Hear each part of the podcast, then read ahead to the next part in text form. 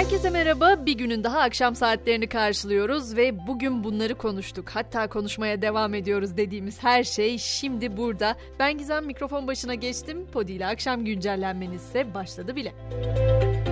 Biliyorsunuz ben güzel haberlerle başlamayı seviyorum. O yüzden dizel araç sahiplerine müjdeyi vererek başlayayım. Motorine bir indirim daha geliyor. Hatırlayacaksınız bugün 82 kuruş indirim yapılmıştı motorine. Yarından geçerli olmak üzere ise motorin 58 kuruş daha ucuzlayacak. Evet kötü haberi başta vermek istemedim ama ne kadar saklayabilirim ki? Hemen onu da anlatayım. Meteorolojinin şiddetli yağışla uyardığı iller arasında yer alan Antalya'nın batı ilçelerinde etkili olan yağmur sele neden oldu. Özellikle yaz aylarında adını hep güzelliklerle andığımız Antalya'nın Kaş ilçesinde şiddetli yağışın beraberinde getirdiği sel caddeleri suyla doldurdu. Araçlar trafikte ilerlemekte güçlük çekti.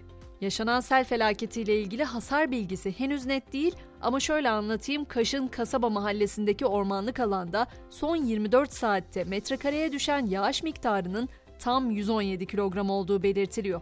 Kış aylarının gelmesiyle birlikte bir de hatırlatmam var unutmayayım. Şehirler arası karayollarında yolcu ve eşya taşımasında kullanılan taşıtlarda kış lastiği zorunluluğu perşembe günü başlayacak. Bu kurala uymayanlara ise 1152 lira ceza kesilecek.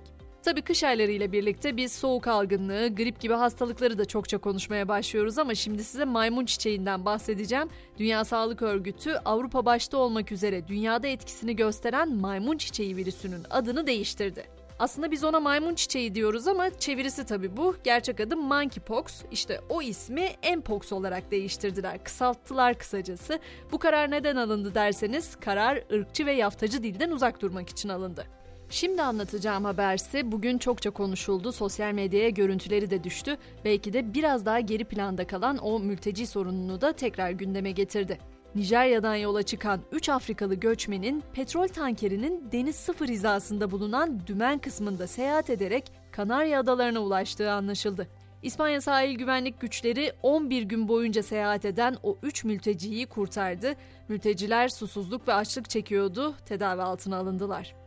Biz de İspanya'ya demir atmışken Avrupa'daki turumuza başlayalım. Belçika'da demiryolu sendikaları federal hükümetin yeterli bütçe ayırmaması, altyapının yetersizliği, işçilerin çalışma koşullarını iyileştirmemesi, personel eksikliği gibi nedenlerle 3 günlük grev başlattı. 1 Aralık'ta bitecek grev nedeniyle tren seferlerinin dörtte üçü iptal edilmiş durumda. Tabi Avrupa'da bir yandan da enerji krizi devam ediyor. Fransa'da ilkbaharda kapatılan Senevolt kentindeki kömür santralinde yeniden elektrik üretimine başlandı. Katar ise Almanya'ya 2026'dan itibaren en az 15 yıl boyunca yılda 2 milyon tona kadar sıvılaştırılmış doğalgaz göndermek için anlaştıklarını açıkladı. Avrupa'daki bu enerji krizi bilimsel çalışmaları da vurmuş durumda. CERN'deki büyük hadron çarpıştırıcısı enerji tasarrufu çabaları nedeniyle bu yıl 2 hafta erken kapatılacak. Tüm bu ekonomik sıkıntılar bu gidişte ekonomik felaketleri de doğuracağı benziyor. Çünkü Çin'deki kısıtlamalara karşı artan protestolar küresel ekonomiye yeni bir belirsizlik ve istikrarsızlık yaratıyor. Ülkede artan Covid-19 vakalarıyla başlayan protestolarda halk yönetimi istifaya çağırdı. Kritik sektörler ise üretim bantlarını durdurmaya başladı. Apple dahil birçok ünlü firma fabrikalarını taşımaya hazırlanıyor. Yaşanan bu durumda küresel piyasalarda şimdiden kriz yaratmaya başladı. Teknoloji ve ekonomide yaşanan gelişmelerin sosyokültürel değerlerimizi yani dolayısıyla dini inançları da etkilediği yönündeki varsayımlar İngiltere'de ilkleri yaşattı. Ülkede Hristiyanlar ilk kez azınlık konumuna düştü.